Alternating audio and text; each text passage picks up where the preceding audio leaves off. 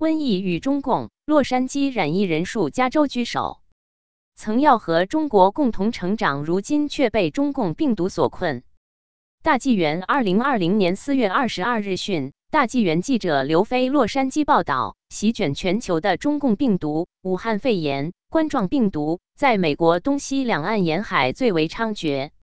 而作为全美人口最多，特别是华裔人口最多的郡县——洛杉矶县。在此次危机中超越硅谷，成了加州疫情最严重县。截至四月二十一日，经检测确诊的病例突破一万五千人，死亡六百六十三人。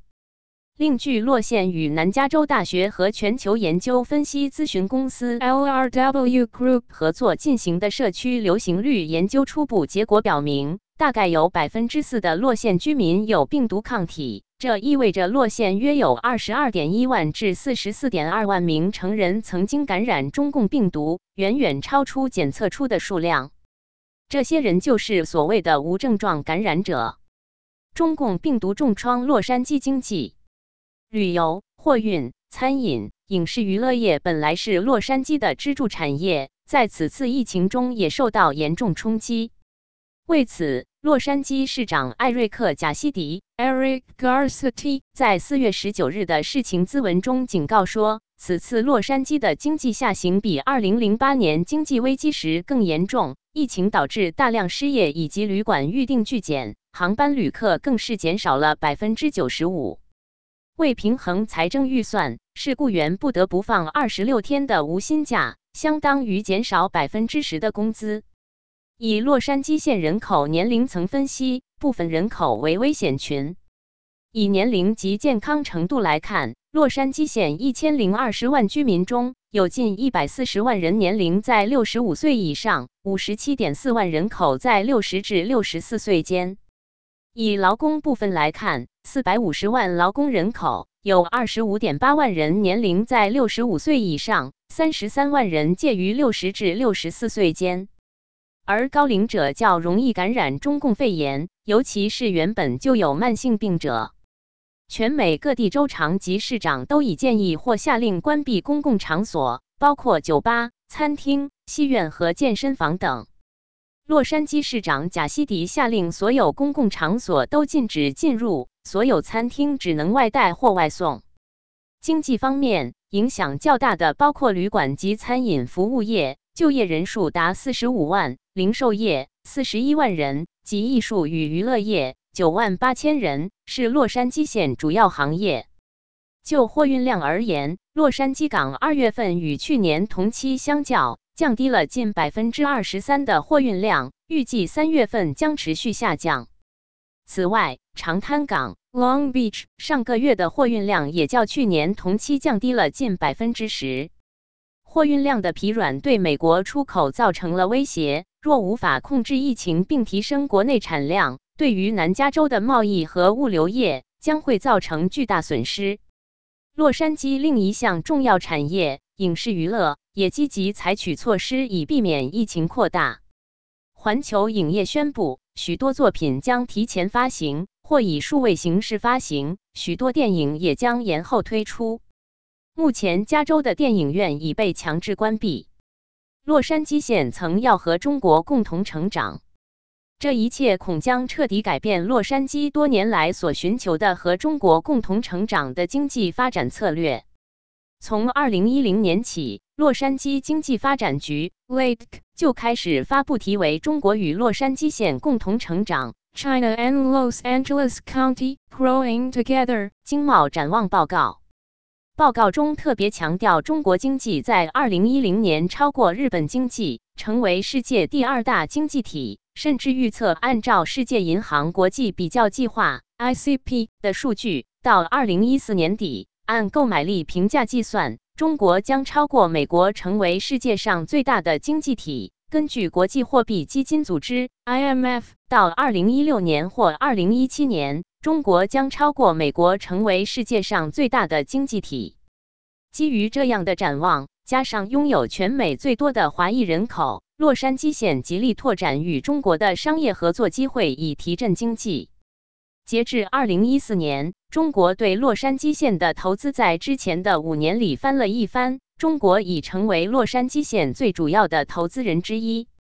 从2009年的15.8万人次到2013年的57万人次，中国游客的数量就增长了近四倍。中国成为洛杉矶旅游的第一大海外市场。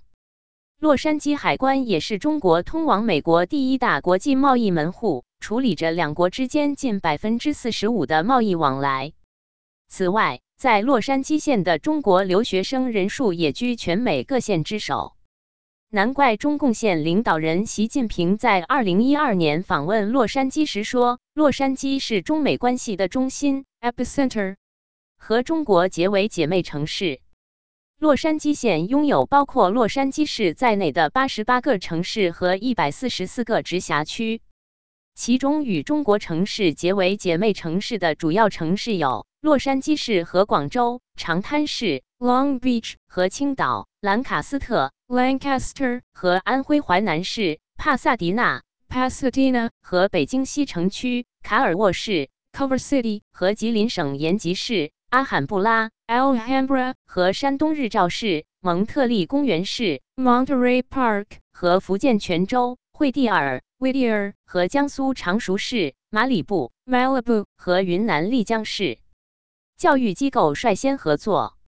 拥有加州理工大学 （Caltech）、南加州大学 （USC） 简称南加大和加大洛杉矶分校。UCLA 三所世界级名校的洛杉矶县是国际学生的首选。南加大又是所有美国大学当中招收外国学生最多的大学，占到学生总数的四分之一，其中一半超过六千六百人是中国留学生。据南加大网站，南加大前任校长斯蒂文·桑普 （Stephen B. Simple） 还发明了把洛杉矶称作环太平洋区首府的说法。并在这个理论下诞生了包括南加大、加州理工大学、加大洛杉矶分校以及复旦大学、南京大学、北京大学、清华大学、中国科技大学、浙江大学等中国大学的环太平洋大学协会 （APRU）。二零零六年，南加大成立了美中研究所 （U.S. China Institute），成为工学者、政策制定人。政府官员和新闻记者在搜寻有关中国与美中关系上的研究趋势和问题时的主要资料来源。加大洛杉矶分校 （UCLA） 则有三个与中国直接相关的研究中心：亚洲研究所、中国研究中心和孔子学院。拥有最多中文媒体，洛杉矶县中文媒体林立，堪称美国最多。除了《世界日报》、《星岛日报》。侨报等纸媒，还有众多的华人有线电视卫星频道、广播电台与书刊杂志，包括 KSCI 十八频道、美国翡翠国际电视台 TVB、天下卫视 TVB 翡翠台 TVB 二、亚洲电视 ATV 家庭频道、北京电视台 BTV、CCTV 杠四 CCTV 娱乐频道 CCTV 戏曲频道、中国电影频道。中国黄河电视台 CYR-TV、东方卫视 Dragon TV、上海教育电视台 SCTV、南方电视台 TVS、湖南卫视 HTV、江苏国际频道、华夏国际卫视 PAKVIA TV、凤凰电视台、厦门电视台、浙江电视台、有线宽频电视台 ICO 第五频道 Channel V、泰盛电视台 t a i s e n。中文广播电台主要包括 KAZN AM 一千三百、KMRB AM 一千四百三十、KAHC AM 一千六百。城市杂志周刊主办的英龙传媒 EDI，而这些媒体无不和中共相关，直接、间接受到中共资助，并和中领馆有合作关系。亲共侨团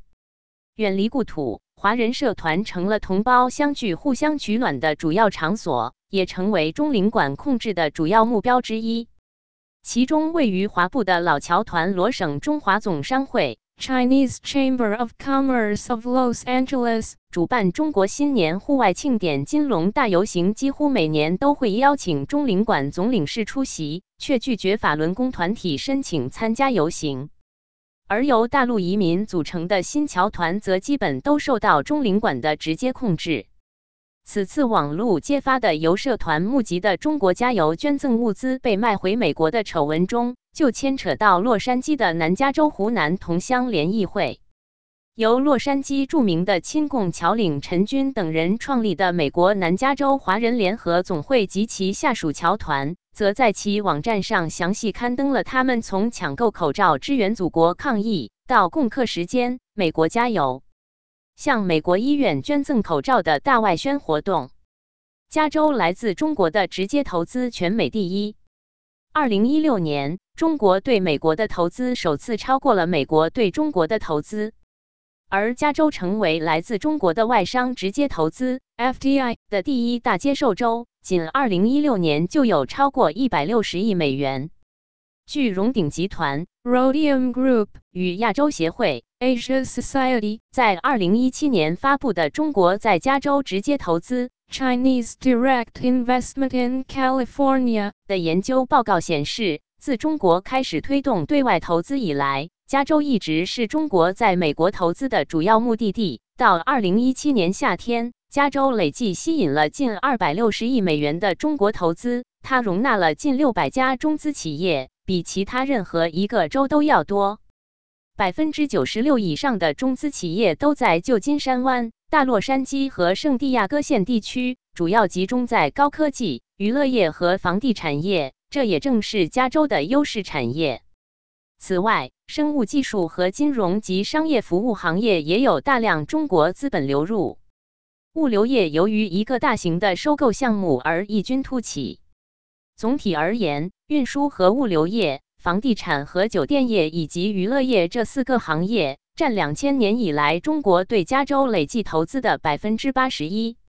根据这份二零一七年的报告，排前二十名的加州中资有阿里巴巴、百度、北京亦庄 （Beijing Shanghai Capital）、复兴国际、正中集团、绿地集团、广州富力 （Guangzhou RF）、海航集团、华创投资 （Hua Capital）、华泰证券。Huawei Securities、朗诗集团、Long C、君联资本、Legend Capital、泛海集团、Ocean White、盛大集团、Shanda、深圳新世界、苏州东山精密制造有限公司、腾讯公司、万科、万达，其中大部分十五个被视为私人投资。理论上，外国直接投资可以给当地社区带来新的就业机会、税收以及工人培训。技术转让和研发活动带来的所谓知识外溢效应，但是众所周知，处于中共集权统治下的中国，没有真正的私有经济和民主法治，企业的发展多为靠官商勾结的结果，而中共也并非美国的盟友，反而是美国所代表的自由世界的敌人。这些投资给加州带来的潜在风险大于利益。然而，当这些投资者进入社区，变成邻居、商业伙伴、朋友，有了一个熟悉的面孔和人与人之间的交往，中共和中国的界限就变得模糊，人们就放松了警惕。特别在疫情下，当所有美国医院都因缺口罩和个人防护用品而告急时，来自中共社团的捐赠就变得格外珍贵。正如当2008年金融危机爆发后，无论是政府还是机构都面临资金短缺时，中共投资就趁虚而入。川普、特朗普总统在其竞选演讲中曾多次重复“农夫与蛇”的故事，也许就是中共潜入美国的故事。井号，责任编辑：孟文兰。